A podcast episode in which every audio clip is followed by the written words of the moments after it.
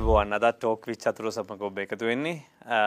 රට මේ වෙලාවේ මුහුණ දීලා තියෙන අර්බුදයත් ඒ වගේම රටේ මිනිස්සුන්ට තියෙන ප්‍රශ්නත් අපි මං හිතන්නේ අවුරුදු ගාණක් තිස්සේ කතා කළා. අපේ මේ වැඩසටහනම සම්පූර්ණ කිසිම දේශපාලඥයෙක් සම්බන්ධ නොවුණු බුද්ධිමතුන්ට වියතුන්ට වෙන්වෙච්ච ඉඩක් තිබුණේ මේ වැඩසටහන තුළ. බොහෝ කාලයකට ඉස්සෙල්ලා ඉඳලා අපි කතා කරන්න පටන් ගත්තේ මේ ක්‍රමය වෙනස් කරගන්න අපේ අතරින් මොනවද කරන්න ඕන දේවල් කියන එක. එහෙම කතා බහ කරන වෙලාවේ ඇත්තටම අපේ ඇතුළේ ඉඳලා අපි දිහා බලනකොට සමහර වෙලාවට අපිට ගොඩක් දේවල් පේන්නේ හැබැයි එළියෙන් ඉඳලා කෙනෙක් බලනවා නම් අපි ගැන වඩාත් හොඳින් බලනවා නම් සංවේදීව. අපිට වැරදිච්ච තැන් අඩුපාඩු රට ගැන ගොඩක් දේවල් දැනේවි.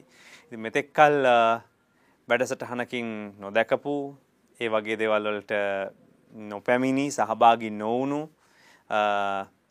කෙනෙක් අපි සම්බන්ධ කරගන්නවා. කෙනෙක් කිව්වට අපිත් එක සම්බන්ධ වෙන්නේ අද දවසේ බුද්ධ පුත්‍රයන් වහන්සේ නමක් ලන්ඩනේ කාශ්‍යප කිව්වම දන්නවා වගේ මහා බ්‍රිතාන්‍යයේ කස්සප කිව්වමත් දන්නවා. ඉතින් අපි ආරාධනා කරා උන්වහන්සේට අද සම්බන්ධ වෙන්න කෙටි කාලයකට ලංකාවට පැමිණ වැඩම කර තිබෙන වෙලාවේ වහන්සේව නමස්කාර පූර්වකව පිළිගන්න වැඩසටහනට තෙරුවන් සරණයි හඳුනන්නේ. තෙරුවන් සරණයි.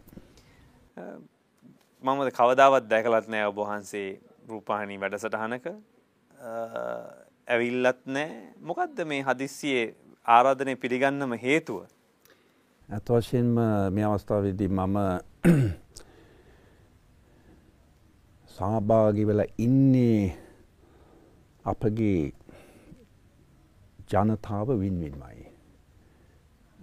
මේ වෙලාවේ මම වසර හතකට පස්සේ තමයි මේ රසට ආවේ වේදනාවකට පත් වෙලා ලොකු සංවේගයකට පත් වෙලා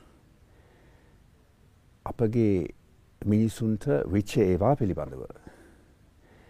මේ අවස්ථාවේදී කවුත් දන්නවා අපගේ ජනතාව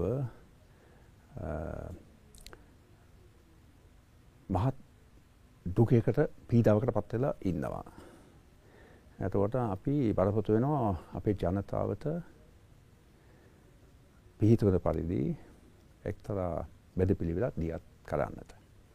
ඔබහන්සේ අපගේ ජනතාව අපගේ ජනතාව කියන නමුත් ඔබේ ජනතාව කියනවා නම් අපිට ගැන බ්‍රිතාන්‍යයේ ජනතාව.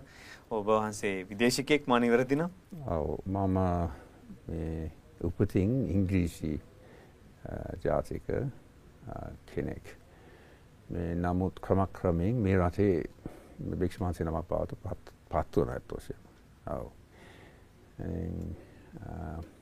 ඒ නිසා තමයි අපේම මිනිසු අපේම ජනතාව කියන එක මකින් කියවෙන්නේ. කොච්චර කල්ද පැවිදි දිවියට ඇතුළත් වෙලා? මම මහාන වෙලා තියෙන්නේ 1977 මේ 67 77 77 එතකොට වසර 40 මේ අවුරුද්ද වෙනකොට වසර 45කට පමණ පෙර තමයි මම පැවිදි වෙලා තියෙන්නේ. එතකොට පැවිදි දිවියට ඇතුල් වෙනකොට ඔබ වහන්සේගේ වයස? එතකොට 14යි. මම බෞද්ධයෙක් බවට පත් වුණේ වයස අවුරුදු 13 වෙද්දී. ඊට පස්සේ පැවිදි වෙලා තියෙන ලන්ඩන් බෞද්ධ විහාරයේ. හදිසියේ අවුරුදු 14ක් කියන දෙයක් තේරුම් ගන්න පුළුවන් වයසක්ද? ඒ වගේ වෙලාවක බෞද්ධයෙක් බවට පත් වෙන්න මොන හරි තුන්රුවන් සරණ යන්න මොන හරි හේතුවක් තියෙන්න ඕන. මම විශ්වාස කරන හැටියට ලොකු හේතුවක් තිබුණා. ඒ කියන්නේ වයස අවුරුදු 9න් පස්සේ මට මතක හැටියට මම මේ ලෝකය ගැන කල්පනා කරන්න පටන් ගත්තා. මේ ඒ කියන්නේ අපි ඉපදින්නේ ඇයි? ඒ වගේම අපි ජීවත් වෙන්නේ මොකදද? අපි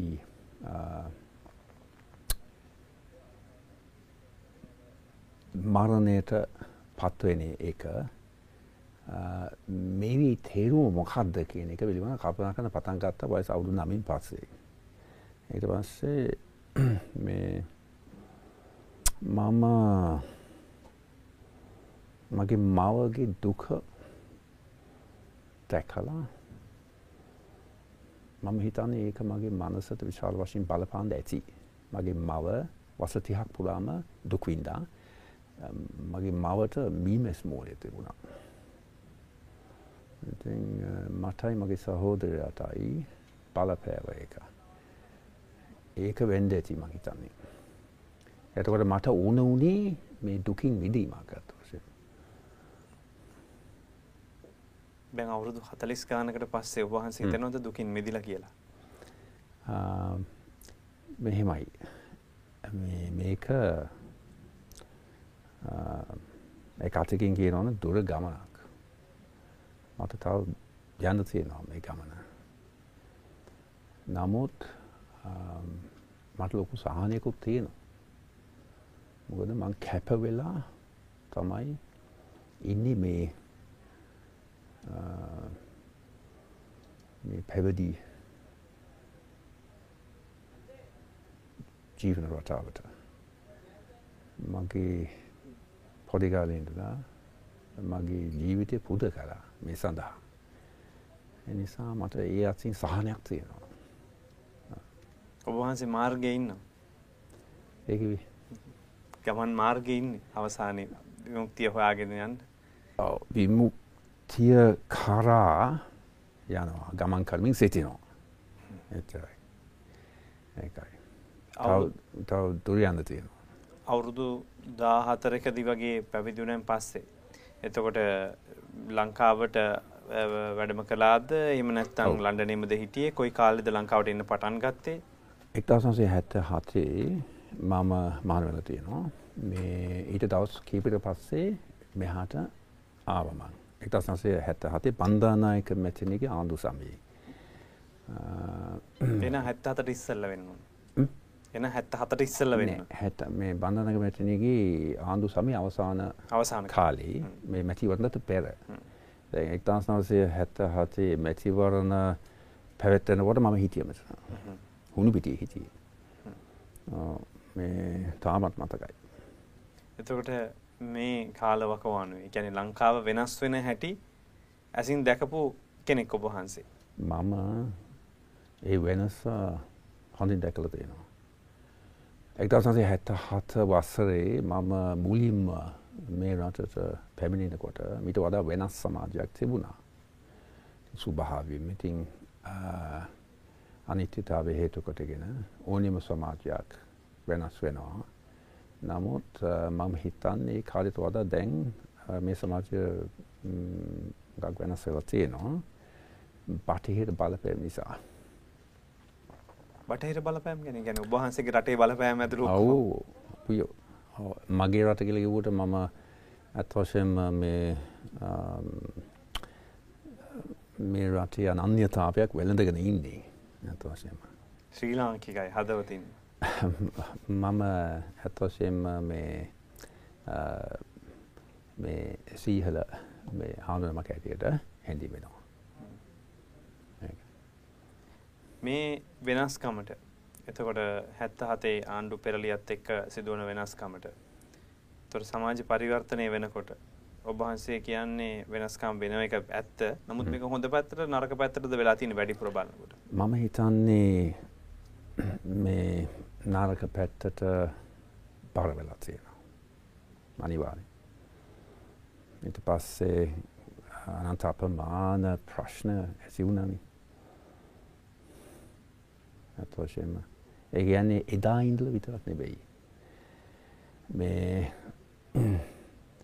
අතීතයේ ඈතට යන්න යන්න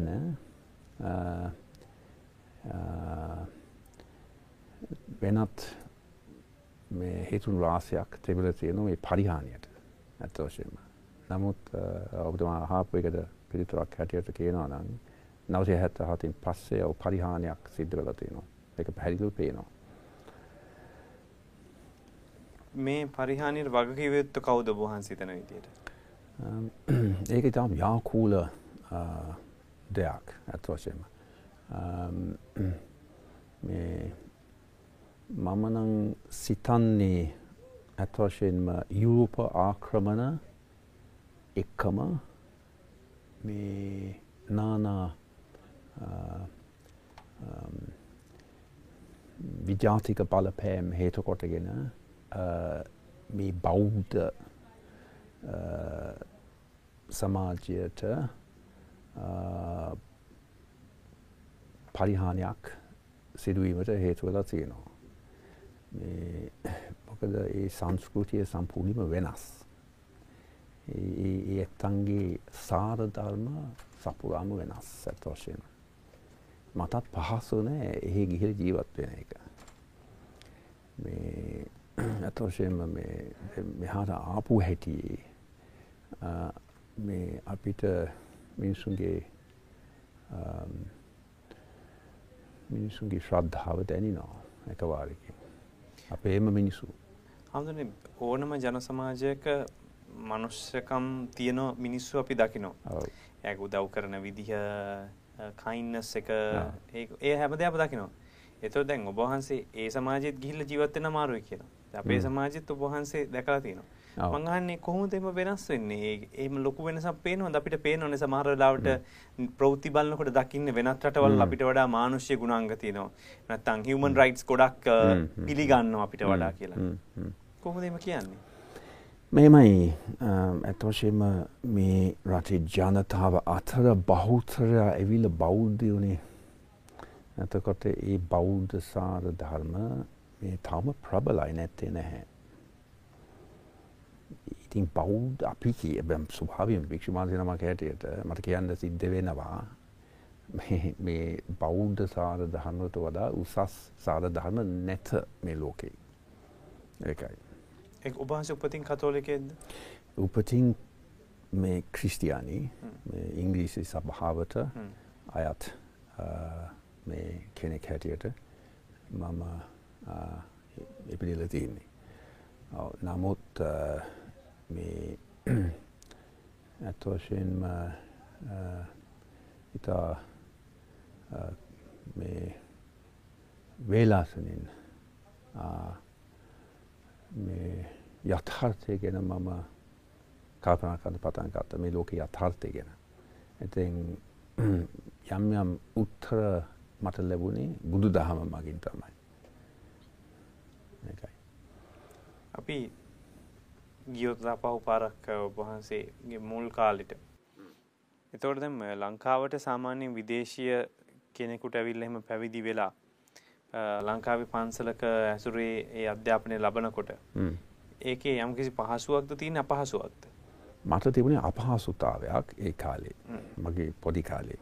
මට මතක හැටියට උදාහරණයක් වශයෙන් ඉංග්‍රීසි මාධ්‍යයේ පිරිවෙන් අධ්‍යාපනය හරියට තිබුණේ ඒ කාලේ. එතකොට සිංහල දන්නෙත් නෑ. එතකොට ඒ අතින් ප්‍රශ්නයක් තිබුණ පොඩ්ඩක්. කියන්නේ අධ්‍යාපන පාතින්. මොකද මම ඒ මේ මේ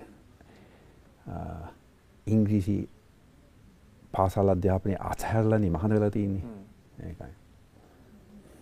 හැබැයි හිතොට මේ දැන් උදාහරණයක් වශයෙන් ගත්තොත් පාලි ඉගෙන ගන්නත් වෙනවා. ඒ අතම සිංහල ඉගෙන ගන්නත් වෙනවා. මේ දෙකම නැතුව අපිට කියව ගන්න අමාරුයි. තා පොඩ්ඩක් යට සංස්කෘත වගේ යනවද දෙවනාගරි අක්ෂරත් ඉගෙන ගන්න වෙනවා. ඔබ වහන්සේ මොනවද හැදෑරීම් කරලා තියෙන්නේ මේ වන විට මේ සම්බන්ධව? මගේ කුඩා කාලේ මට පාලි භාෂාව උගන්වලා තියෙනවා බලංගෝදානන්ද මෛත්‍රී මහානායක හඳුවා. නමුත් වහන්සේගේ වයස තේරෙනවා එතකොට. හරි වයස 14යි. ඔව් බලංගෝදානන්ද නායක හඳුරු ගන්නවා කියනකොට. ඔව්. මේ හැබැයි මම ඒ අංශය වැඩි ප්‍රගුණ කරේ නැහැ. මම කල්ලෙතුව වනගස වෙලා භාවනා නියෝගීව හිටියා. කොච්චර කලක් විතර? ඒ කියන්නේ ඇත්ත දැන් මේ මොහොතේ හරියට මට මතක නැහැ. නමුත් ඉතින් ලොකු කාලයක්. වසර 21ක් තමයි මේ රටේ වෙදවාසය කළේ. ඔක්කොම එකතු කරුවොත් හැම. එක්දසන්සේ හැත්ත හතේ ඉඳල වසර විසි එකක් ඔකම එකතු කෙරුවොත් නමුත් මේ රට හා මගේ සම්බන්ධකම් වස්සර හතිස් පහක් විත පරණයි. එතුර වනගත එකන ද ඔබහන්සේ මේ භාවනායෝගී වැඩ ඉන්නද නිදහස පතාද වනගත වෙලා හිටියේ කොහෙද වැඩ හිටියේ විස්තර අදමයි. මම පළමුව පොඩි කාලේ උදාහරණයක් වශයෙන් මම ඒ කාලේ ගෞතම තපුවන වැඩ ඉඳලා තියෙනවා. බලංගෝද මහානායක හනුමාවේතෙන් දැරියා. එතකොට මට වයස අවුරුදු 14යි. මේ අඳනෝ එතකොට අඳනෝ පොඩිකාලේ මේ මට මතකයි හොඳට මේ දවසක් මේ පැතුනක් විතර අඳර තියෙනවා මගේ අම්ම මතක් වෙන හරියට ඒ කාලේ. ඒ වුණාට මහාන දම් පිරීම සඳහා ඒ කැපවීමක් තිබුණා. ඒකයි. ඉතින් ඒ නිසා ඒ කාලේ මේ අපහසුතාවයක් මට තිබුණා. නමුත් පසු කාලීනව ඒක හරි ගියා. කොරදුත් හරි ගියා. ඊට පස්සේ තැන් තැන් වල හිටියා. උදාහරණයක් වශයෙන් රිචිකල. රිචිකල හිටියා විචිපිට අවුරුදු 8ක් විතර. මේ උතුරු මැද පළාතේ. හැමතැනම හිටිය ඇත්ත වශයෙන්ම අම්පාර මොනරාගල පදවිය මේ ආරන්ද සැනසුම් වල වැඩ වාසය කරමින් හිටියා. යුද කාලේ පුරාම හිටියම.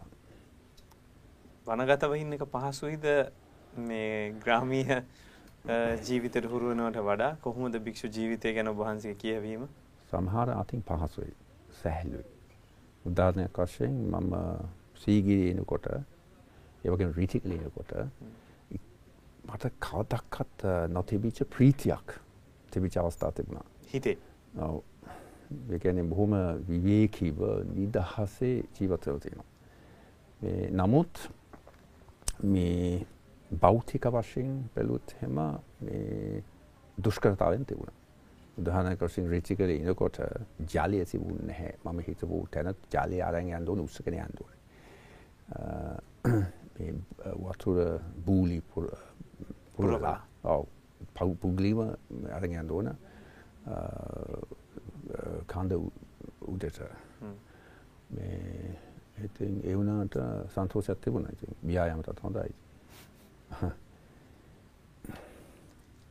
ඒ කියන්නේ දැන් වනගත වීම තුල බලාපොරොත්තු වෙන්නේ යම්කිසි සහනයක්නේ. ඔව්. හිතට සහනගේ සහනෙ තිබුණා. නමුත් ආගමික වශයෙන් එහෙම නැත්නම් අපි බෞද්ධයෝ විදිහට බලාපොරොත්තු වෙන මාර්ගයේ යන්නත් මේක පහසුවක් වුණාද? ඔව් ඔව්. අතෝසෙම මම අතෝසෙම දැන් රිචිකල් යනකොට නිවන් දකින්නව බලාගෙනයි මම එතෙන්ට ගියේ.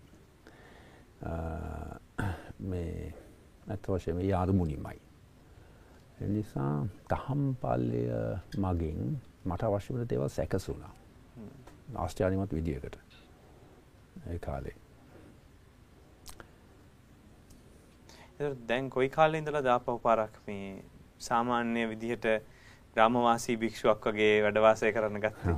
ඔව් මම ඇත්තටම මේ මම වනවාසී ක්‍රමයට තමයි මේ පැවිදි උපසම්පද වුණේ.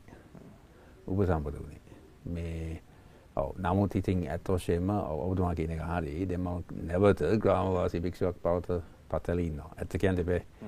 මේ ඔව් ඉතින්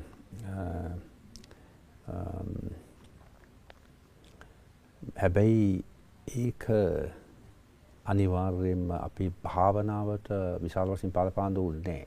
භාවනාව ප්‍රගුණ කරනවා නම් අපි කොහේ හිටියොත් ඒක ප්‍රශ්නයක් නැහැ. ඇත්ත වශයෙන්ම. ඒ කියන්නේ දැන් වනගතව ඉනකොට ඒක උදව් උපකාරී වෙනවා. පුරුද්දක් විදිහට ඇති කරගන්න. ඔව්. ඔව් ඒක ඒ කියන්නේ බුදුහාමුදුරු බුදුහාමුදුරු දේශනා කළා තියෙනෝනේ මේ විවේකස්ථාන උදව් උපකාරී වෙනවා කියලා භාවනා ප්‍රගුණ කිරීමට. ඒකයි ස්වභාවයෙන්ම. මොකද අරමුණු අඩුයි. ඒකයි.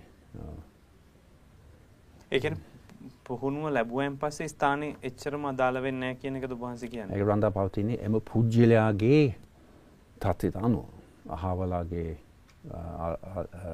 ආධ්‍යාත්මික දියුණුවට අනුව. ඒකයි. ඉතින් සමහරුන්ට පහසු වෙනවා. එක එක චරිත වලට බලපාන එක එක විදියට. ඒකයි. එතකොට දැන් මේ සාමාන්‍ය භික්ෂුවක් ගත්තම සමාජය ම කතා කරන්නේ ගොඩක් සමාජය ගැවසෙන මේ වෙලාවේ රූපහානිය පෙනෙන එහෙම ස්වාමින් වහන්සේලා සියලු දෙනාම ඉලක්ක කරගෙන නෙවෙයි. නමුත් භික්ෂුවකගේ ජීවිතය ගත්තම මේ සීකියත් එක්ක බැඳෙන ජීවිතය. එතකොට අනික් පැත්තෙන් කරන්න තියෙන දේවල් සංවර රකින්නෝ කියන එක ටිකක් තරමක් අපහසු දෙයක්. විදේශිකයෙක් විදියට ආවෙන් පස්සේ ඔබ වහන්සේට ඒක අපහසු වුණාද? එහෙම නැත්නම් ඒක පහසුයිද? එතකොට වෙනත් රටක වාසය කරන ගමන් මේ පරිසරයට හුරු වෙනකොට ඒක අපහසුයිද? මොකද්ද තත්ත්වේ? පුද්ගලිකවෝද පුද්ගලික මට අපහස්ථාව කෙසි දැනුන්නේ නෑ. මොකද මම දැඩි ඕනේ කමකින්නේ මේ ජීවන රටාව වෙළඳ ගත්තේ. නිසාමට එච්ච අපස්ථාව දැනුන්නේ පුද්ගලිකවම තමගේ මවුරට දෙවිල ජීවත් වුණා වගේ හැමතිසිම දැනුන මට. ඒකයි. ද මුදල් පරිහරණය කිරීමේ සිට ආපසට ගත්තම මේ හැම දෙයක්ම ස්ලාංකීය සාමාන්‍ය ග්‍රාමවාසී භික්ෂුවකට කරන්න සිදුවෙන කාර්ය බවට පත් වෙලා තියෙනවා. ඔබ වහන්සේට කොහොමද මේක වෙන්නේ? ඒතර ඔබ වහන්සේ කොහොමද ඒතර ගුවන් ටිකට් පතක් ගන්න මේව පාවිච්චි කරනවද? කොහොමද ඔබ වහන්සේගේ தත්ත්වය? මම මිල මුදල් පරිහරණය කරන්න නැහැ පුද්ගලිකව. මේ මම ධනය කොහොමදත් රැස් කරන්නෙත් නැහැ. ඒ වගේම පුද්ගලිකව මම මිල මුදල් පරිහරණය කරන්නෙත් නැහැ. හැබැයි මම අනුන්ගේවට එංගලි ගන්න යන්නෙත් නැහැ. මේ අපේ හාමුදුරු අතර බොහෝමයක් මිල මුදල් අධකාරය පරිහරණය කරනවා. ඉතින් මට තේරෙනවා ඒ ප්‍රායෝගික ගැටලු මට තේරෙනවා. නමුත් පුද්ගලිකමම කියනවා නම් මම ලෝක පුරාම සතියක්වත් නැතුව ගම කළ තියෙනවා. එතර ගුවන් ටිකට් පත ගන්න තෙන තමයි ඒවා ගෙන හිතන තරමටම මේ කෙනෙකුට ඒක තේරුම් ගන්න අමාරුයි. ඒගෙන අපි ඒ ඒව කරලයි බලන්දුනේ මේ ඉතින් අපි දායකව් ගුවන් ප්‍රවේශ පත් පූජ කරනවා. එවගේම ගුවන් තෝටුපලට අපිව වදම්මනවා. ඊට පස්සේ පොඩි ප්‍රශ්නකද තියන්නේ මේ ඇතුළට ගහම ජලය අරගන්න බැහැ අද ඉසල ඒ හැකැව තිබුණා ජලය අරයද බැහැ. එතකොට පැයක් හමාරක් විත සමහර විට රෙන්ඩීන්ට සිද්ධ වෙනවා ඒ ඉතින් ජල ජලය තියෙන තැන් තියෙනවා නිසා පානය කරන්න පැරිවෙන්නේ නමුත් මේ ඉච්චර තමයි ප්‍රශ්නය එතකොට දෙන් ගුවන්යාත්‍රාවත නැග්ගහම මේ ආහාර පාන දෙනවා. ඊට පස්සේ තින් අනික් පැතින් කවු හරි අපි බොතම්මන් යනවා ඉතින් එච්චරයි. ප්‍රශ්නයක් නෑ මට ප්‍රශ්නයක් වුණේ නැහැ. දැන් අපේ ලංකාවේ ආරණ්‍යගත වැඩවාසය කරන ස්වාමීන් වහන්සේ නමක් වැඩියත් අපි එක කූපන් එකක් අරගෙන දෙනවා පූජා කරනවා. නැත්නම් අපි පුළුවන් වෙලාවට උන්වහන්සේලා වඩම්මනවා. උන්වහන්සේලා සල්ලි පාවිච්චි කරන්නෙම නැහැ.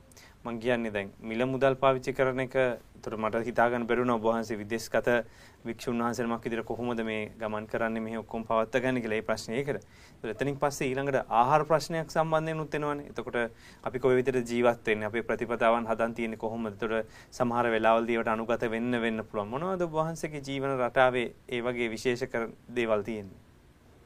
දැන් ඔබතුමා ඒ ආහාර පිළිබඳව නේද යම. එහෙමයි. ඔව්. මේ ඒක දැන් ආහාර ගත්තොත් මේ ওই දුෂ්කරතාවයන් වලට අපි පොඩි කාලේ පුරුදු වෙලා තියෙන්නේ. ඇත්තම වශයෙන්ම දැන් සමහර විට මේ මේ නිරාහාරව ඉන්න සිදු වෙන වෙලාවල් තියෙනවා. දැන් අද මේ සමුඛ සාකච්ඡාවට මම සහභාගී වෙලා ඉන්නේ. සමහර විට දවල් දානේ වරදී කියලා හිතාගෙනයි. මේ මොකද මේ අරමුණ මම ලැහැත්ති කරා. ඔව් මම දන්නවා ඔව් ලැහැත්ති කරලා කියලා. මේ හැබැයි මේ ලොකු දෙඩි බලාපොරොත්තුකින් නෙවෙයි මං ආවේ මේ ඒ අතින් මේ මොකද මේ අරමුණ ඊට වඩා වැදගත් නේ. ඇත්ත වශයෙන්ම බද ගින්න කියන එක නියම බද ගින්න එන්නේ දවස් දෙක තුනකට පස්සේ. එහෙමද? මම එක සැරයක් තායිලන්ත පිට වාසය කරපු කාලේ මේ දවස් පහක් විතර පුරාම මේ ආහාර ගන්න නැතුව හිටියා. පැටේනේ හැමදේම. නෑ ඒ බදගින්න එනවා හැබැයි. දවස් දෙක තුනකින්. හැබැයි ඕක බොහෝදුවට තීන් ඕක තියෙන මනස තුළ. ඔය ඔය ඔය බදගින්න බලපාන්නේ මනස හරහා තමයි ගොඩක් එක ඒකයි. ඒක නිරාහාර වුණත් ඉන්න පුළුවන් දෙච්චර පුළුවන් මේ ඇතෝසේ මේක තාරාගෙන ඉන්න පුළුවන් ගොඩක් හොඳයි. ඇතෝසේ මානසික ශක්තියක් වෙනවා වෙනවනි ඕක. එතට දැන් අපේ ගත්තොත් බෞද්ධ ඉගැන්වීම් එක විවිධය විධ විදිර මේ වාර්ථකතනය කළ තිබෙන තොට කොටසක් කියනවා මාංශානු භවය හොඳයි කියනවා තව පිරිසක් හොඳ නෑ කියලා කියනවා. එමස මේක කැපයි කියනවා කපයි කියනවා. ඔබහන්සේ මොකක්ද මේ ගැන දරන මතේ මස් මාංස පිළිබඳ හරි. මේ ඔව ඒක හැමදාම මේ සාකර්ශය භාජනය වන කාරණාවක්. මම විශ්වාස කන හැටියට ඒ පිළිබඳව මම යම් යම් කරුණු වටහාගෙන තියෙනවා. දැන් සූත්‍ර ධර්මයට අනුව මේ තැන් තැන්වල අපිට එඟ වෙනවා බුදු පියාණන් වහන්සේ සමහර විට මස් මාළු වඳද තියෙනවා කියලා. මේ මම සිතන්නේ ඒක ඇත්ත වෙන්න පුළුවන් කියලා. මේ මොකද ඒ කාලේ පැවතිච්ච වාතාවරණය මිට වඩා හාපසි වෙනස් දුෂ්කරයි. ඉතින් බුදුජාණන් වහන්සේ දේශනා කළ තියෙනවා අපි යමක් ගිහියන්ගෙන් පාට ගණ ගණකොට ඇත් වශයෙන්ම මේ ආහාර පිළිබඳව කියනවනම්. මේ අපේ දිවි පැවැත්ම සඳහා තමයි අපි ඒවා පරිහන්දය කරන්නේ ඇතවශයෙන්ම. Um, එතකොට අර ට්‍රයිකෝටි පාරිසුද්ධිය කියන සංකල්පයට අනුව මේ uh, uh, ඒක ගැටලුවක් නැහැ කියලා uh, සූත්‍ර ධර්ම කියවෙනවා අතෝසෙම. Um, මේ um, නමුත් මං පුද්ගලිකවම මස් මාළු අඳන් නෑ. ඒක අතහැරලා තියෙනවා. ඒ අවුරුදු 34කට පෙර මම මස් මාළු අන බබල් කරන එක මේ අතහැරියා. ඒකට එක හේතුවක් තමයි පිළිකුල. මේ මස් මාළු පිටර එහෙම බලන්න නෑ මං. නමුත් දැන් උදාහරණයක් වශයෙන් අපි පිටුසිකා චාරිකාව වැඩම කරොත් එහෙම හම්බින් භික්ෂු වහන්සේ නමකට මස් කැල්ලක් හෝ මාළුවෙක් මොකක් හරි ලැබුණොත් Um, ඒ භික්ෂුව වින් වින් එක බැරුවේ නැත්තම් ඒ සතා මැරුවේ නැත්තම් ඒ වගේම මේ ඒ භික්ෂු වහන්සේගේ කිසිම බලපොතක් තිබුණ නැත්තම් එහෙම දෙයක් ලැබෙයි කියලා මේ දිවි පැවැත්ම සඳහා ඒක අනුභව කරනවා නම් මම ලොකු වරදක් දකින්නේ එතන. නමුත් දැන් බුදුරජාණන් වහන්සේ දේශනා කළා තියෙනවා අපි මොලේ පාවිච්චි කරන්න ඕනේ කියලා හැමතිස්සෙම. කියන්නේ ස්වාධීනව සෑම දෙයක්ම කියන තීරණය ගන්න කිව්වනේ. ඉතින් ඒ අනුව දැන් පැහැදිලිව මේ මම දකින හැටියට මේ මස් වැලෙන්දන්ගෙන් මිනිස්සු මස් එක බුදු දහමට පටහැනි වෙන්න ඕනේ. මොකද අනුබල දීමක් වෙනවා නේද? කවුරු මොනවා කිව්වොත් මම බය නැතුව කියනවා.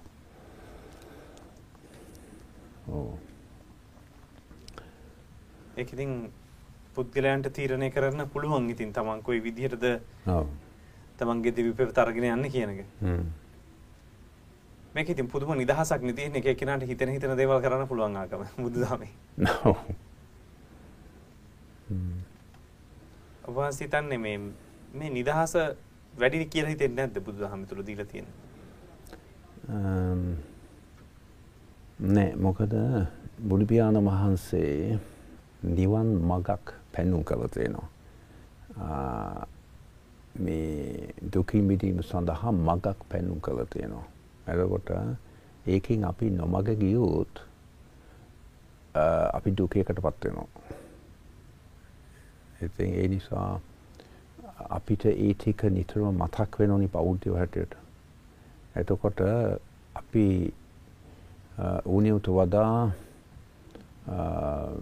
නිදහස්ව ජීවත් වෙන්න ගියොතින් සමහර විට අසංවරයකට පත් වුණොත් එක්කෝ ඉන්ද්‍රයන් දමනය කරගන්න බැරුව ගියොත් බුදු දහමට අනුව අපි මේ දුකයකට පත් වෙන්න ඉඩ තියෙනවා. කරදරයකට පත් වෙන්න ඉඩ තියෙනවා. අපි දැනගන්න ඕන මේ ඔය කියන නිදහස තුළ මේ මේ බුදු දහමට ආනුකූල පරිදි කුසලතාවයකින් කුසලතාවයක් කුසලතාවයක් ඇතිව ජීවත් වෙන්නට.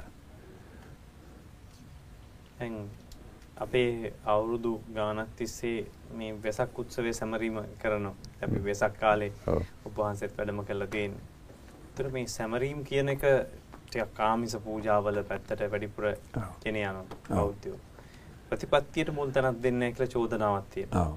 ඔබ වහන්සේ ලංකාවේ අවුරුදු ගානක් අවුරුදු 20කට වැඩිය වැඩ වාසය කරපු පැවිදි දිවි අවුරුදු 40කට වැඩි කාලයක් ගත කරන. ඔව් ඒ කියන්නේ මගේ ඉතිහාසය නම් මේ රට හා මගේ සම්බන්ධකම් වසර හතිස් පහක් පරදයි.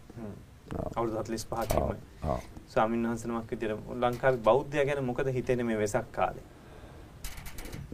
වශයෙන්ම මේ ඊ타මත්ම හොඳයි. අපි මිනිස්සු වෙසක් සමරනොය කිව්හම මේක මේක හොඳ දෙයක්නේ. මේක ලොකු දෙයක්. මේක විශිෂ්ට දෙයක්. ඒගැන මේ තුනුවන්ට ගරු කිරීමක්නි. එතකොට ඊට වඩා ඊට වඩා ශ්‍රේෂ්ඨ දෙයක් නේන මේ ලෝකනේ. අපේ අපේ මිනිස්සු ඒවා තාම හොඳින් කරනවනනේ ඒකයි. එනිසා හොඳ දෙයක් ඒක. අපිට වෙනස් කරන්න ඕන දේවල් තියෙනවද වහන්සේ දකින විදියට. ඔව් ඇත්ත වශයෙන්ම දැන් සමහරු විශ්වාස කරනවා නං ආමිස පූජා මගින් නවන්තකින් නිවන් දකින්න පුළුවන් කියලා දෙවනුව සිතන්නට සිද්ධ වෙනවා. මොකද ඇත්ත වශයෙන්ම අපි ආධ්‍යාත්මය දියුණු කරන්නට ඕන. මේ හැමදාම පින් කර කර ඒ පමණින් නිවන් යන්නේ ප්‍රඥාව දියුණු කරන්න ඕනේ. මේකට මේ රටේ ජනතාව දන්නවා ඒවා. මේ හැමදාම අපි හාමුදුරු බණ කියනෝනේ. මේ බොහොම දක්ෂ විදියට අපේ තරුණ භික්ෂු වහන්සේලා වුණා අපිටත් වඩා හොඳට බණ කියනවා. ඒක ඉතින් මේ ඒක ලොකු භාගයක් මේ රටට ඇත්ත වශයෙන්ම. ඒක පිළිපදින්න එකයි තියෙන්නේ. බණ දන්නවා. බණ දන්නවා ඔය එහෙම එකක් තියෙනවා. ඒ පිළිපදින්න එපා. કોઈ කවුරුත් ඒක පිළිපදින්න ඕන. හැබැයි මේ රටේ මේ ගී හා පැවිදි සමාජය අතර ඉතා යහපත් මිනිසුත් ඉන්නවා. ඉතා ශ්‍රේෂ්ඨ භික්ෂු මහසත් වැඩ ඉන්නවා. ඒ වගේම ඉතාමත්ම සිල්වත් ගුණවත් ගිහියුත් ඉන්නවා. එහෙමත් තියෙනවා. හැබැයි මේ ඒ අය ටිකක් විවේකීව ඉන්න ඕනි. ඒ නිසා හැමතිස්සෙම ප්‍රසිද්ධියට එළියට එන්නේ නැහැ. ඔව්.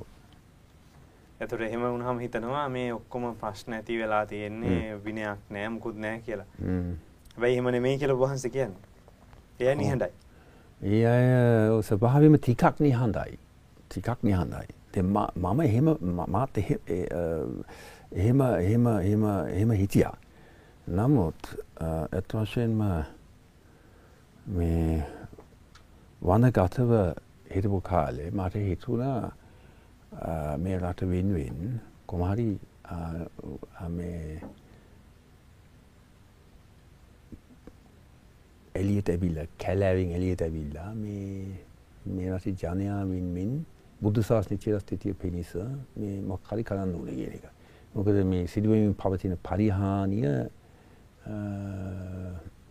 නිසා තමයි ඒ පිළිබඳව මේ මට ලොකු වැටහීමක් තිබුණා. මේ රටේ ඉතිහාසය මහා දාලා තියෙනවා. යම් තාක් දුරට.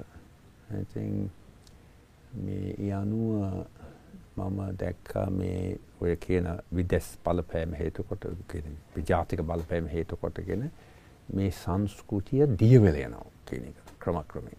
ඒක වෙනවා. ඒක මෙච්චර කියන්නේ පැවතිච්ච එක පුදුමයි.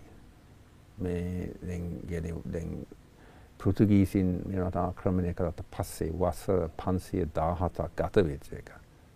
මෙච්චර ප්‍රබල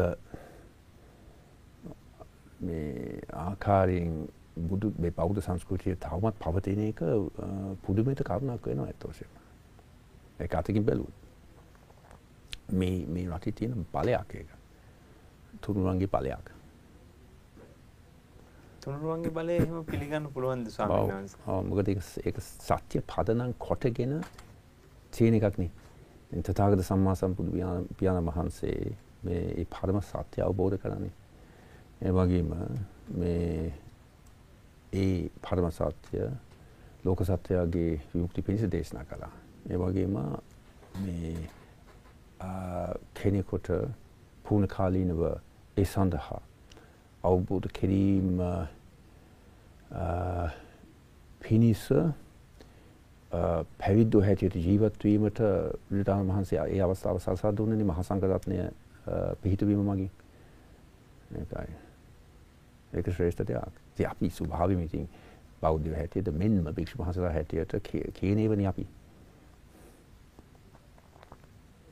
ඒ වුණාට දැන් අපිට එහෙම බලයක් තියෙනවා නම් එහෙම දේවල් තියෙනවා නම් එහෙම නම් ඉතින් මෙහෙම රටට වෙන්න බෑනේ. ඔව්. ඔව්. ඉතින් මේ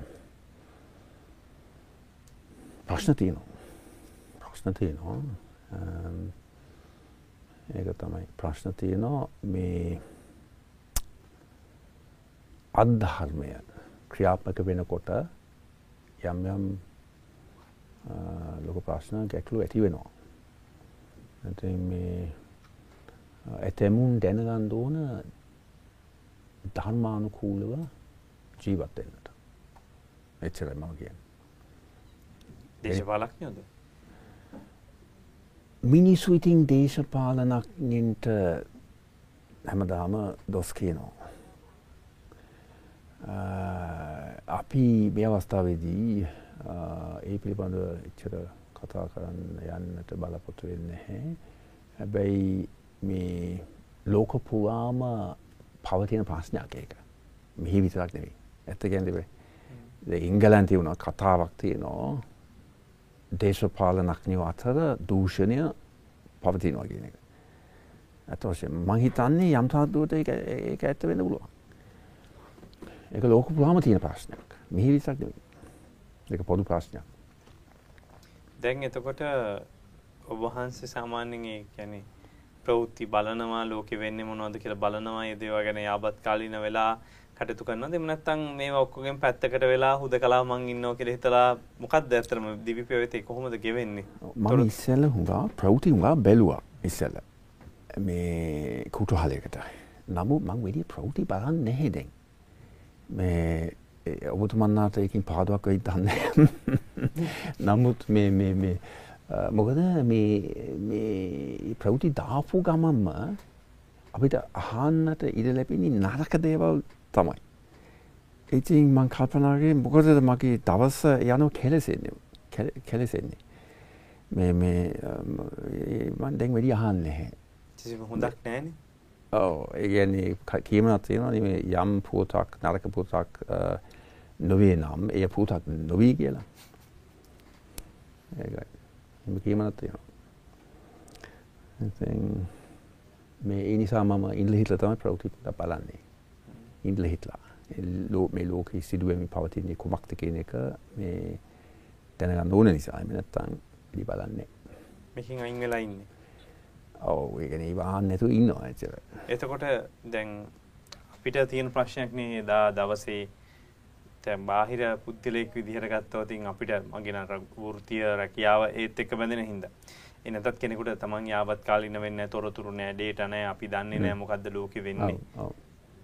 දැන් ඔබ වහන්සේට එහෙම තොරතුරු වල අවශ්‍යතාවයක් ලොකුවට නැහැයි කියන එකද මේක කියන්නේ එහෙම? නෑ මට එච්චර ප්‍රශ්නයක් නෙවෙයි ඒක. යම් හේතු නිසා මට පුද්ගලික වෙච්ච ගැටලුවක් නැහැ ඒක. ඒ කියන්නේ උපරිම වශයෙන් දවසකට එකවරක් විතර ප්‍රවෘත්ති පොතක් ඇහුවොත් ඇති ඔය ඔය ඔය මේ මේ සීලස්තරත් එක. ඒ කියන්නේ දත්ත වැදගත් නෑ පුද්ගලේ ජීවත් වෙනකොට ඊට වඩා එහාට ගිහිල්ලා තියෙන්නේ. දැන් ඔය මේ දැන් මේ සෑම දෙයක්ම ඊට සීග්‍රීන් වෙනස් වෙමින් පවතිනවා. මේක ඇවිල්ලා මහා තණ්හා සාගරයක්. තමයි තියෙන්නේ මේ ලෝකේ. මේ ලෝභ ද්වේෂ තමයි පවතින්නේ. ඉතින් අපි ඒ වුණොත් උදා ගණන් ගන්න හොඳ නෑ. ඒකයි මිනිස් ලෝභය, මිනිස් ද්වේෂය, මිනිස් මෝහය කියන එක අලුත් දෙයක් නෙවෙයි. ඉතින් ඒ නිසා මේ දේ ස්වභාවයෙන්ම සිද්ධ වෙනවා. එතක ඒවට පිළිතුරක් ලැබෙන තුරු මේ ඔය කියන ප්‍රශ්න දිගන පවතිනවමයි. ඒ පිළිතුර මේ අපි කියන හැටියට මේ බුදු දහමම තමයි. ඒ අවෂ්‍යද ඇවිල බුදු දහමම තමයි. අපි වෙනස් වෙන්න හිතනකොට සාමාන්‍ය පුද්ගලයෝ ගිහියෙක් හරි අමාරුයිනේ මොකද බැඳීම් තිබෙනවා ප්‍රශ්න තියෙනවා තා විසඳන්න ගොඩක් දේවල් තියෙනවා ඒවා විසඳලා අවසාන කාලෙ ඉතින් මොනවා හරි කරගන්න බලන්න ඕන යන තැනකට කියලා තමයි අපි හිතන්නේ. වහන්සේම අවසාන කාලේ වෙන්න ඉස්සෙල්ලා වේලාසරින් එහෙම හිතලා. ඔව්. ඒක තමයි. ඒක තමයි ඒක සංසාරික පුරුද්දක් වෙන්න ඇති අතෝසෙ. මොකද මම පැවිදි වෙනකොට මගේම දෙදි ඕනේ කමක් ඇතිව තමයි මම මහර වෙලා තියෙන්නේ.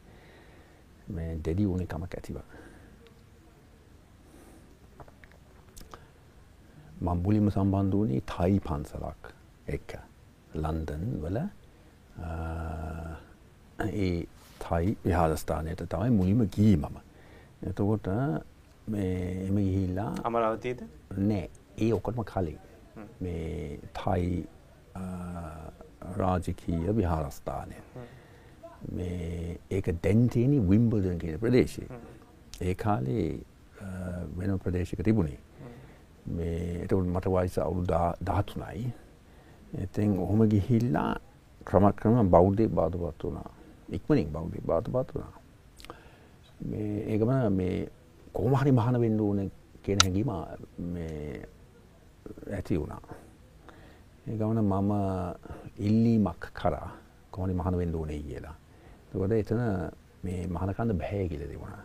මේ පන්සලේ රෙගුලාසි වලට අනුව මේ පොඩි අය මහනකන්නේ කියලා තිබුණා. ඒ ගමන මම මගේ නිවසට ගිහිල්ලා මගේ අම්මගෙන් රෙදි ඉල්ලුවා. අම්ම පරණ බෙඩ්ෂීට් එකක් අරගෙන සුදු බෙඩ්ෂීට් එකක් අරගෙන මම ඒක කෑලි දෙකකට කපලා වටේ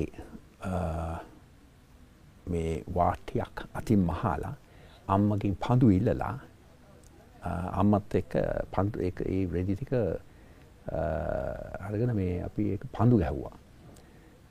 දුම්රුරු පාටෙන් පස ඒක අරගෙන ගිය විහාරස්ථානයට. කොමහරි මහන වෙන්න ඕනේ කියලා. පාතරක්වාගන නැතුවේ ඕ පාතරයක් තිබුණ නැහැ අරංගියේ මේ නිකං රෙදි කෑලිට එකක් මේ තනි පොට සිවරක් හැටියටයි අන්නද ගදයක් හැටියටයි පාත්‍රයක් තිබුණ නැහැ. ඉතින් හිතවත් නායක ස්වාමීන් වහන්සේලා නමක් ළඟට ගිහිල්ලා මේ මේවා බාර දෙන්න මේ අපි හැදුවා. මේ ගමනේ නායක හාමුදුරුවෝ කිව්ව මේ මෙතන මහානකන්ද බෑ. මේ නමුත් තවත් විහාරස්ථානයක් තියෙනවා කිව්වා. එතන ඉතා කරුණාවන්ත ජේෂ්ඨ ස්වාමීන් වැඩි ඉන්නවා කිව්වා නායක හාමුදුරුවෝ. ඒ ස්වාමිසිකාවට යන්න ඒ ස්වාමීන් වහන්සේට ඒ සම්පූර්ණ කතන්දර කියන්නේ කිව්වා. බලපුවාම ලන්දන් බෞද්ධ විහාරය. බ්‍රිතාන්‍ය මහා බෝධි සංගමේ.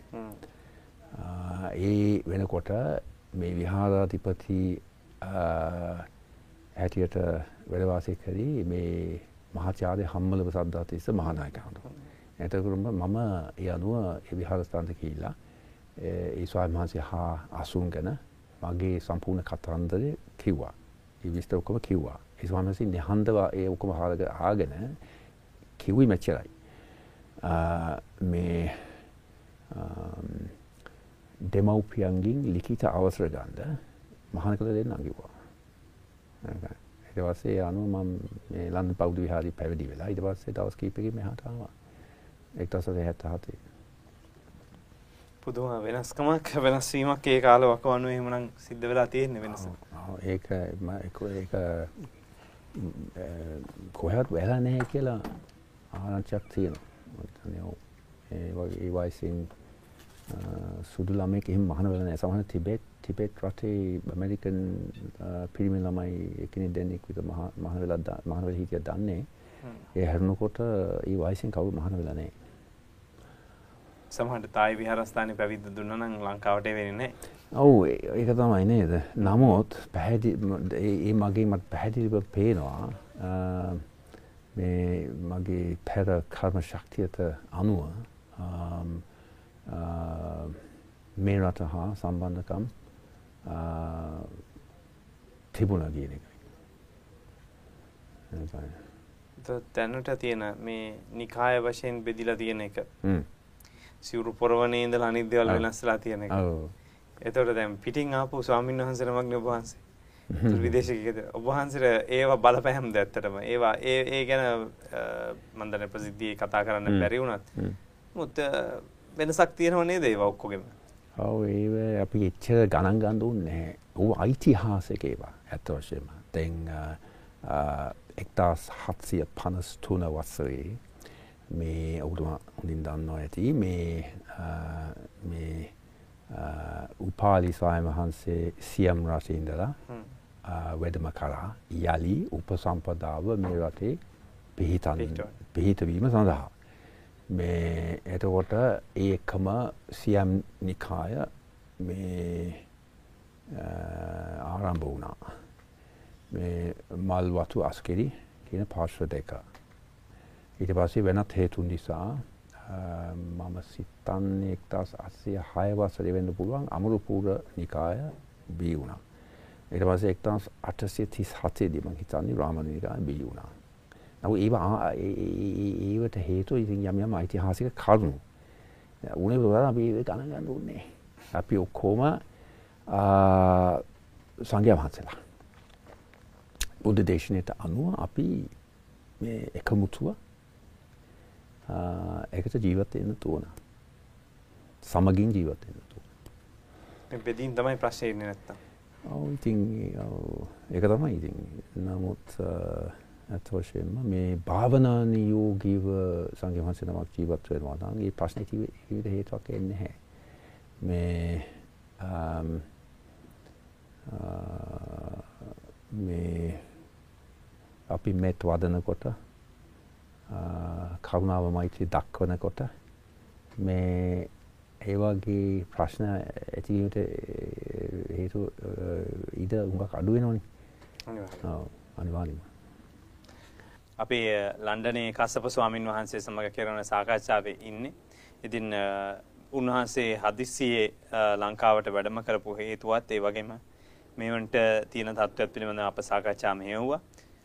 අපි එතනින් එහාට පොඩ්ඩක් ගියොත් හාමුදුරනේ දැන් මේ ඔබ වහන්සේ හදිස්සියෙම ආවේ මොකක් හරි හේතුවක් එක්කද කියලා මම මුලින්ම ඇහුවා ඔබ වහන්සේ කිව්වා ලංකාවේ ඉන්න පිරිස ගැන දැකලා දුකටපත් වුණා මේ මොහොත ගැන දැකලා කියලා.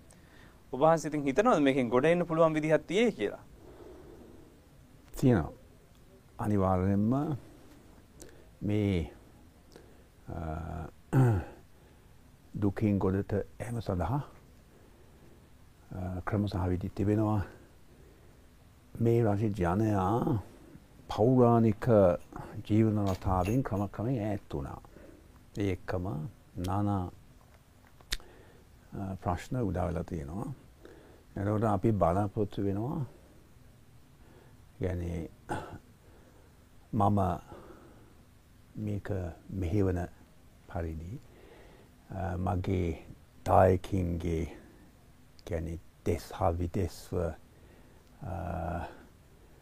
මේ ජීවත්වන දායකෝ සමගම ඔවුන්ගේ සහයෝගය ඇතිව මේ රට පුරාම මේ මේ රටේ ජනයාට ලොකු සහනයක් සැලස්සෙන පරිදි ස්වයං පෝෂිත වැඩ පිළිවෙලක් දියත් කිරීම.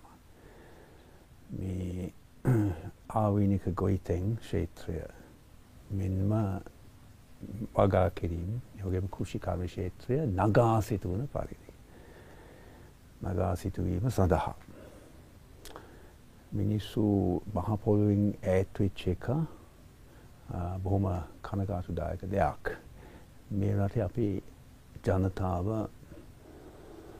තෝෂයෙන්ම මේ මහා පීඩාවකට පත්වෙලා ඉන්නේ ඒ වගේම මිනිසුන් ආහාර පාන අවශ්‍ය වෙනවා මූලික වශයෙන් ජීවත් වීමට. ඒක තමයි සියල්ලටම පදනමක්.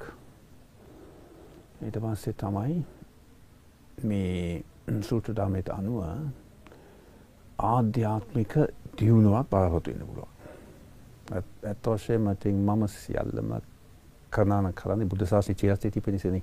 මගේ බලාපොරොත්තු එහෙමනේ. එතකොට අපේ ජනයා සතුටින් ජීවත් වෙන්න පුළුවන් නැවත මේ එතකොට මේ මගෙන් ක්‍රම ක්‍රමයෙන් මේ මේ බෞද්ධ සමාජය පෙරසේ බැබලෙන පරිදි ප්‍රබෝධයක් ඇති වෙන්නට ඉඩ තියෙනවා. ප්‍රබෝධයක් කර ගන්නට අපිට හැකියාවක් ලැබෙයි. ඒ වගේම හැබැයි එක්කම මම සඳහන් කරන්න ඕනේ අපි මේක ඇත්ත වශයෙන්ම කරන්නේ මේ සියලු දෙනාගේම මේ රටේ සියලු ජනතාවගේ සුභසිද්ධිය සඳහා. මේ රජ ජීවත් වෙන හැම දෙනාම ඇවිල්ලා මිනිස්සු. එතකොට බෞද්ධයෝ හැටියට අපි කරුණාව හා මෛත්‍රිය ප්‍රගුණ කරනවානේ. ඒ අනුව මේ ඒක දැනිනවා. මේ අපිට මේ රටේ ජනයාගේ දුක අපිට දැනිනවා. ඉතින් මම මුලින්ම කිව්වා වගේ මම මාස හතකට පස්සේ මේ මහත් වේදනාවකට පත් වෙලා සංවේගයට පත් වෙලා මේ අවස්ථාවේදී මම ආවි මේ විශේෂයෙන්ම මේ අපේ ජනතාවට පිහිටුවන පරිදි ඔවුන්ගේ සුපසිද්ධිය සඳහා මේ මූලික පියවරවල් ගැනීම පරිදි කටයුතු කිරීමටයි. අපි ඔබහන්ස පෙර සඳහන් කළා දැන් රූපවාහිනියවත් බලන්නේ නැහැ. වෙනත් මාධ්‍ය ඔස්සේ මේව දැනගන්න විදිහක් නැහැ. බලන්නේ නැහැ. අවත්‍යවශ්‍යම කොටස් විතර වලට යොමු වෙන්නේ කියලා. කොහොමද ඇත්තටම ලංකාවේ තියෙන තත්ත්වය ඒකට දැනගත්තේ? අපි 10 ඉන්නවා. අපි වැඩිපුර ආශ්‍රය කරන්නේ ඇත්ත වශයෙන්ම ලාංකීය ජනතාවනේ. එතකොට මේ මගින් নানা තොරතුරු ලැබෙනවා. ඒ වගේම මේ අපිට මේ එක එක YouTube වැඩසටහන් එවනවා. මේ වගේම WhatsApp මගින් එක දේවල් එවනවා. එතකොට ඒව බලනවා. එතකොට ඒ මගින් දැනගන්නවා ඉතින්. ඉස්සෙල්ලා ඒව බැලුවේ නැහැ මම. නමුත් ඇත්ත වශයෙන්ම මේ මේ රට පිළිබඳව යම් යම් වැදගත් පුවත් ලැබුණොත් ඒක බලනවා. ඉතින් නැත්තේ නැහැ. ඊට අමතරව දැන් මේ වෙලාවේ මේ ගොවිතැන සම්බන්ධයෙන් ඔබ වහන්සේ කතා කළේ. ඒතර පාරම්පරික ගොවිතැන සම්බන්ධයෙන් ඔබ වහන්සේ විශ්වාස කරන්නේ. හැබැයි දැන් අපි දන්නවා මේ පෝර ප්‍රශ්නයක් එක්ක ඇවිල්ලා තමයි මේ තත්ත්වයටපත් වෙන්න උනේ. ඒතර දැන් ජනතාවට පෝරත් නැහැ. පාරම්පරික ගොවිතැනට යන්නත් බෑ. මේක කරන්න පුළුවන් කියලා ඔබ වහන්සේ විශ්වාස කරනවද? විශ්වාස කරනවා. මේ ඉතින් මම ඒ ක්ෂේත්‍රයේ මම විශේෂඥයෙක් නෙවෙයි. නමුත් අපහා මේ සම්බන්ධ වෙලා ඉන අයගේ මේ පිළිබඳ දැනුමක් තියෙනවා.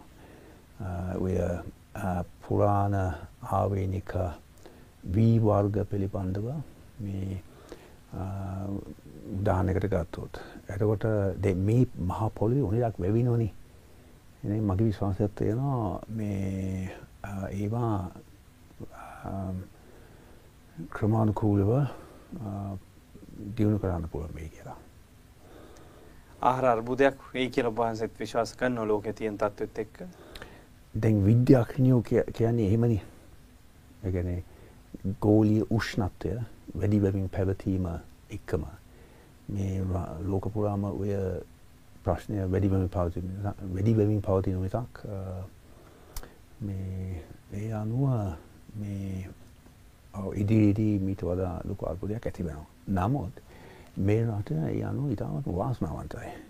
ස්වාභාවික සම්පත් තියෙනවා. ඒ අනුව ඒක උපයෝගී කරගෙන මිනිස්සු සතුටින් ජීවත් වෙන්න ඕන. අනික මේක කුඩා දූපතක්. ඒ අනුව මේ ටිකක් පහසුයි. විශාල රටක් හදනවට වඩා මේ මේක හදාගන්න ලේසි කියලා වහන්සේ කියන්නේ. හදාගන්න ලේසි සාපේක්ෂව. ඒකයි. අපි මේ පාලන විදිහ පාලන ක්‍රමය ගැන බ්‍රිතාන්‍ය පාලන ක්‍රමයක් බ්‍රිතාන්‍යයට යටත් වෙලා ඉඳලා විලාද බොහෝ දෙනෙක් කියනවා අපි බ්‍රිතාන්‍යයටම යටත් වෙලා හිටියනම් හොඳයි මීට වඩා දිනුවක් ගන්න තිබ්බා කියලා. ඔබ වහන්සේගේ උපන් රටනේ. ලංකාව මෙහෙනේ. ඒතර දැන් අපි ඉන්න රාජිකත්වයත් එක්ක ඔබ වහන්සේ මොකද්ද හිතන්නේ මේ ගැන? මම කියන්නේ මේ මේ පුරාණ සීහල මේ ජීවන රටාව ඉතාමත්ම ඉතාමත්ම ගැලපෙනෝ බෞද්ධයන්ට ඉතා සරල ජීවන රටාවක් තමයි පැවතුනේ. මිනිසු ඒවින් දැන් ඇත්වලා ඉන්නේ යම් තාක් දුරට ඇත්වල ඉන්නේ. එතකොට ඒ එක්කම මිනිසුන්ගේ අවශ්‍යතාවයන් වැඩි වෙලා තියෙනවා. එතකොට බටහිර සංස්කෘතියට හේතු වෙලා ඉන්නේ. ඒ අනුව තණ්හාව වැඩිවීමට අනිවාර්යයෙන්ම ඒක හේතු වෙනවා. ඇත්ත වශයෙන්ම. දැන් ඒ රටවල් වල මේ දියුණුවට එක් ප්‍රධාන හේතුවක් තමයි තණ්හාව වෙන මොකුත් නෙවෙයි. තණ්හාව ඇත්ත වශයෙන්ම දැන් දියුණුයි තාක්ෂණික වශයෙන් දියුණුයි. ඉංගලන්තය ඇමරිකාව ආදී රටවල්. නමුත් ඒ තණ්හාව නිසාම තමයි ඉතින්. අනික මේ ඒ දේශගුණෙත් බලපානවා. ඒ රටවල් වල දේශගුණය බලපානවා. ඒ කියන්නේ වෙද වෙද නොකර මේ කර්මාන්තේ නැතුව බෑ කොහොමදත් මොකද මැරලා යනවා. ඒ දේශගුණය සීතලයි. එතකොට අනිවාර්යයෙන්ම ඉතින් වෙහෙස මහන්සි වෙලා මේ කර්මාන්තය දියුණු කරන්න ඕන. මෙහි ඊට වඩා සරල තත්ත්වයක් තමයි පවතින්නේ. මිනිසුන්ට මූලික අවශ්‍යතාවයන් ලැබුණාම බොහොම සරල ජීවිතයක් ගත කරන්නට ඕන කෙනෙකුට හැකියාවක් තියෙනවා මෙහි. යනු ඒක ඉතින් බුද්ධ මේ බෞද්ධ දර්ශනයට අනුකූලයි. මොකද අපි ඉතින් මේ ක්‍රමක්‍රමයෙන් තණ්හාව මේ දුරු කරමින් අපි ජීවත් වෙන්න ඕනි බෞද්ධයෝ හැටියට. අනිවාර්යයෙන්. ඔව්. එතකොට මේ ප්‍රතිපදාවත් එක්ක ඔබ වහන්සේ භාවනාව දියුණු කිරීම සඳහා උදව් කරනවා බ්‍රිතාන්‍ය වැසියන්ට. ඒ වගේම ශ්‍රී ලාංකිකයන්ට උනත් මේක වැදගත් වෙයි. ඒතකොට අපිට භාවනාව පටන් ගන්නකොට මෙහිදී ගොඩක් භාවනාව තියෙන පිටුපස්සේ මොකද ගොඩාක් දෙනෙක් හොයනම කෙනා විතරයි මේකට යන්නේ. සාමාන්‍ය කෙනෙක් එකට යොමු වෙනව අඩුයි. මොනවද මේකේ තියෙන වාසි? ඒවම් වාසියක් අත්දැකලා තිබෙනවද? ප්‍රතිඵල අත්දකින්නවද? භාවනාව සම්බන්ධ. අනිවාර්යයෙන්ම ඉතින් මේ මම සේවයක් කළා. කාලයක් තිස්සේ වසර හතරකුත් මාස හතරක් පුරාම බ්‍රිතාන්‍ය බෞද්ධ සංගමයේ මම භාවනා වැඩසටහන් 214ක් පවත්වලා තිනවා. ලන්ඩන් නගරේ මේ වෛරස් ප්‍රශ්නය උදා වන තුරු ඊට පස්සේ ඒක නතර වුණා. මේ ඉතින් මේ ඇත්ත වශයෙන්ම මේ මේ බුදුරජාණන් වහන්සේගේ දේශනයට අනුව ඒ බෞද්ධ භාවනා ක්‍රමවලට වඩා උසස් භාවනා ක්‍රම කොහෙවත් නැහැ. බුදුරජාණන් වහන්සේ දේශනා කළා තියෙනවානේ මේ සමාධි පමණක් නොවේයි ප්‍රඥාව දිනු කරන්නයි කියලා. ඒකයි. ඒ එම දේශනේ වෙන කොහෙවත් නැහැ. බුදු දහමේ තමයි තියෙන්නේ ඔක. මේකේ මේ බුදු දහම තුළ තිබෙන අන ඊට අසම දේශනයක්. ඒ භාවනාව ප්‍රගුණ කරගන්න ලංකාවේ ඉඳලා ලේසිද පහසුද ඒ සඳහා උනන්දුවක් තිබෙන පිරිසක් ඉන්නවා කියලා හිතනවද ඔබ වහන්සේගේ මොකද්ද ඒ සම්බන්ධ ඔව් අනිවාර්යෙන් ඉන්නවා අත් වශයෙන්ම දැන් භාවනා නියෝගී අය වැඩි පරිමුට එන්නේ විවේකීව ඉන්නවා මේ ඉතින් ඒ අනුව සාපේක්ෂ වශයෙන් බැලුවොත් එහෙම මිනිස්සු ඒ අයව වැඩි දකින්නේ නෑනේ ඉතින් උදාහරණයක් වශයෙන් මම හිතන්නේ මේ දිවින පුරා වනසෙනසුන් ඇත්තේ 500ක්වත්. ඉතින් මගේ මූලස්ථානයේ ශාඛා විතරක් 200ක් විතර තියෙනවා. මේ මේ රට පුරාම සිල්වත් භික්ෂු මහසෙ වැඩි ඉන්නවා හැමතැනම.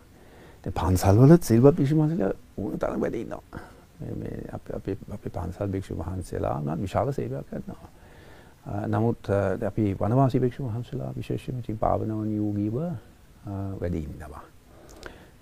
ඒ වගේම ගිහි සමාජය අතර මේ ඉතාමත්ම දියුණු අය ඉන්නවා කියන එක මම සිතනවා තෝෂි. එයා ප්‍රසිද්ධිය තියන්නේ නැහැ.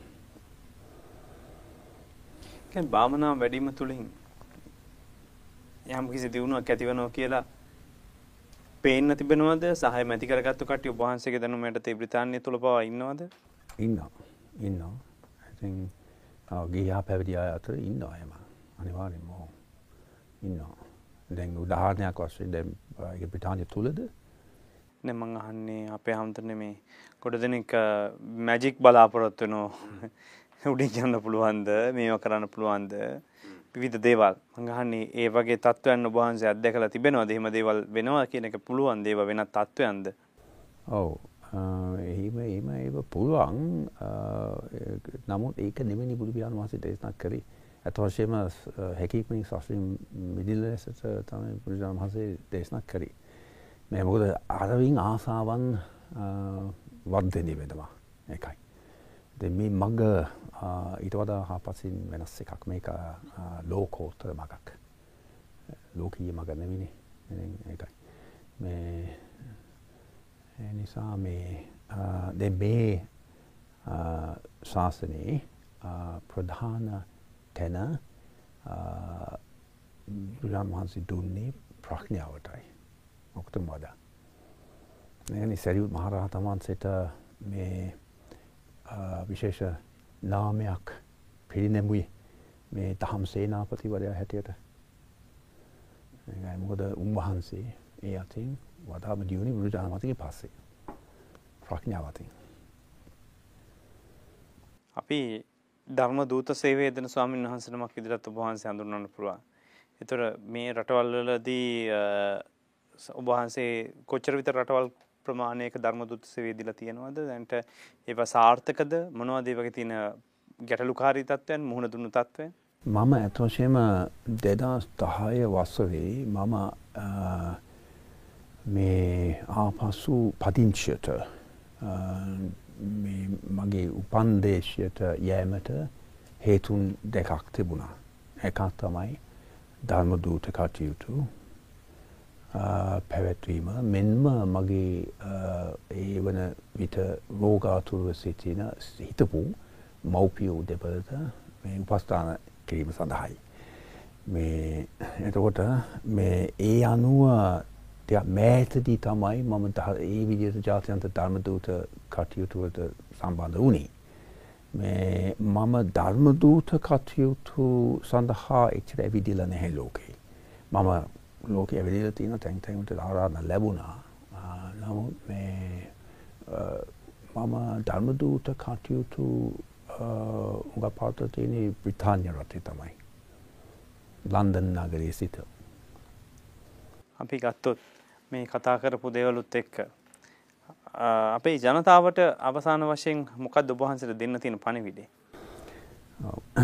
මේ අවස්ථාවේදී Uh, ඇත්ත වශයෙන්ම uh, අපේ ජනතාවට මට කියන්න තියෙන්නේ මේ මේ කම් කටුළු දුක් ගොඩින් uh, මිටින පරිදි මේ මාවතක් ඇත කියන එකයි. මේ ක්‍රමයක් තිබෙනවා. ඒ අනුව මුළු මහත් ජනතාව මේ අවස්ථාවේදී එකමුතු වී මේ දැනට පළමුවෙන්ම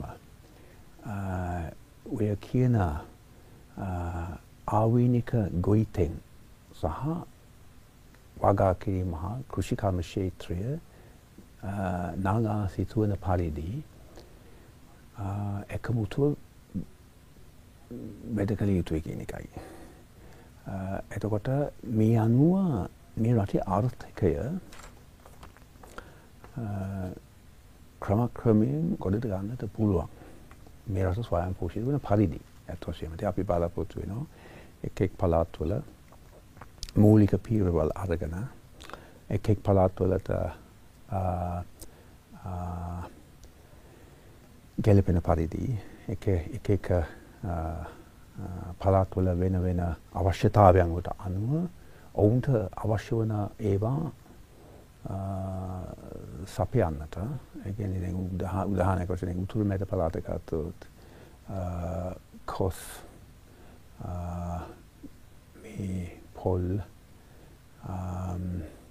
මී පෙළ ඒවගේම කිරි කියන ඒ අත්‍යවශ්‍ය මූලික ආහාර සැපෙන පරිදි මේ වැඩ පිළිලක් දියත් කිරීමටයි මෙන්ම පුහුණුවක් ලබා දීමටයි අපේ බලාපොරොත්තු වෙනවා ජනතාවට. මේ ඇත්ත වශයෙන්ම දැන් මම දකින හැටියට දැන් මේ ලෝකේ ඇති ජාතීන් අතර ජාතිය කියන්නේ ඔතන මේ නේෂන් කියන ඉංග්‍රීසි කියනවා ජාතීන් අතර එන්නේ තලවශයෙන් ඒ ජාතීන් දෙසිය අතර මේ රට තමයි ශ්‍රේෂ්ඨතම ජාති හැටියටයි මම පුද්ගලිකව දකින්නේ.